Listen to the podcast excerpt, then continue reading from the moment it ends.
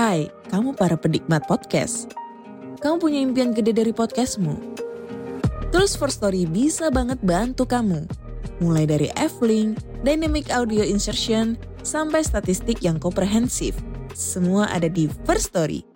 Gak ketinggalan kamu bisa monetisasi podcastmu lewat iklan dari First Story Ads yang bisa kasih kamu penghasilan dari setiap place podcastmu. Yuk gabung sekarang dengan klik di firststory.me. Sekali lagi, klik di firststory.me. Mari kita bawa mimpi podcastingmu menjadi kenyataan.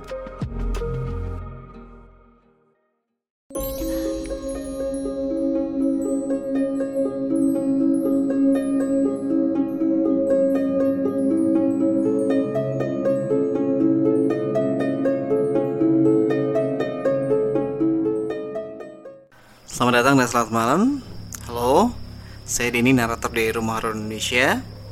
Kita akan berjumpa lagi dengan acara yang sama. Kita akan bacakan sebuah cerita horor buat kalian untuk menghibur kalian.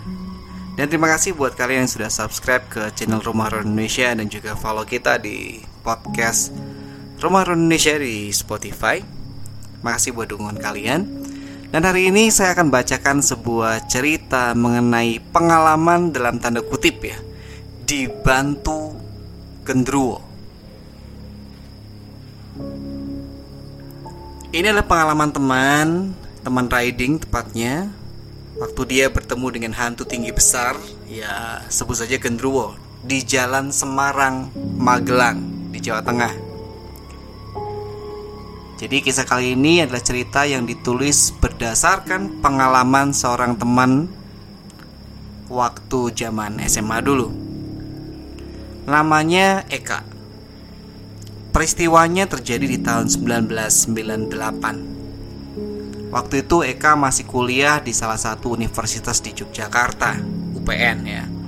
Seperti biasa, setiap hari Sabtu pagi Eka dengan Honda GL Pro-nya solo riding dari Jogja ke Semarang untuk menemui kekasihnya di daerah Semarang. Teman saya ini termasuk mahasiswa yang budiman. Di samping tidak nakal, juga rajin belajar serta setiap apel tidak mau menginap walaupun si pemilik kos-kosan sudah menawarinya menginap. Tentu di kamar yang lain dan bukan sekamar dengan pacarnya. Rute yang biasa dilewati Eka adalah Jogja, Magelang, Secang, Ambarawa, Ungaran, Semarang. Suatu ketika setelah Eka mengunjungi kekasihnya di Semarang, dia benar-benar kemalaman. Biasanya jam 9 sudah pulang, namun kali ini Eka pulang terlalu malam. Start dari Semarang jam 12 malam. Eka nekat melalui jalur yang konon kalau malam penuh dengan aura mistisnya. Jalur antara Ambarawa hingga Secang. Lampu penerangan jalannya masih kurang dan sering terjadi kecelakaan lalu lintas. Karena jalanan sepi dan malam hari, Eka memacu motornya di kecepatan antara 70 sampai 80 km per jam. Oh iya, Eka membawa sebuah tas ransel tapi dicangklong di depan agar dadanya terlindung dari hempasan angin. Memasuki jalan Semarang Temanggung sekitar jam satu malam. Suasana saat itu gelap gulita, sepi senyap dan kiri kanan jalan banyak pohon-pohon, seperti hutan rimba saja, serta hawanya dingin menusuk tulang. Di tengah jalan, tiba-tiba terdengar suara seperti seng jatuh yang terseret.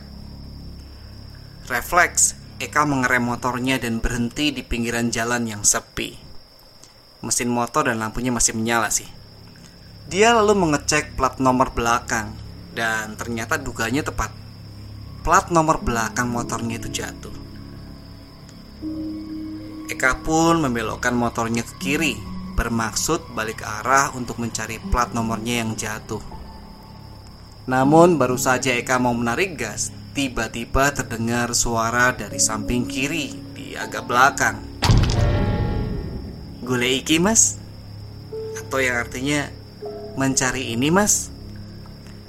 Dan karena keadaan gelap gulita dan suara itu datangnya dari samping kiri belakang, maka Eka tidak bisa melihat dengan jelas sosok yang berbicara itu. hanya terlihat tinggi besar dan memakai kain sarung yang dicangklongkan di pundak kanan.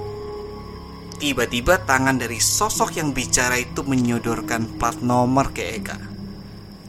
Eka langsung menerima plat nomor tersebut dan segera memasukkannya ke dalam tas ransel yang ditaruh di dada.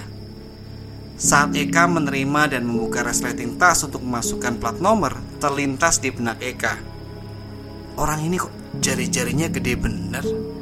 segede pisang ambon dan hitam berbulu. Namun Eka belum sadar kalau yang berbicara itu sejenis lelembut. Eka turun dari motor dan bermaksud mau mengucapkan terima kasih. Pak, Pak, loh, yang dipanggil-panggil kok nggak ada? Tengok-tengok sekeliling hanya ada kegelapan malam. Mulai muncul perasaan takut badan pun merinding.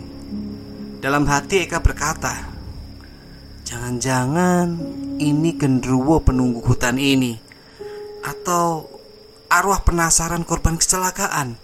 Eka langsung loncat naik ke atas motornya dan langsung hibrid. Sepanjang jalan Eka nggak berhenti. Padahal biasanya Eka selalu singgah di secang untuk makan di warung nasi.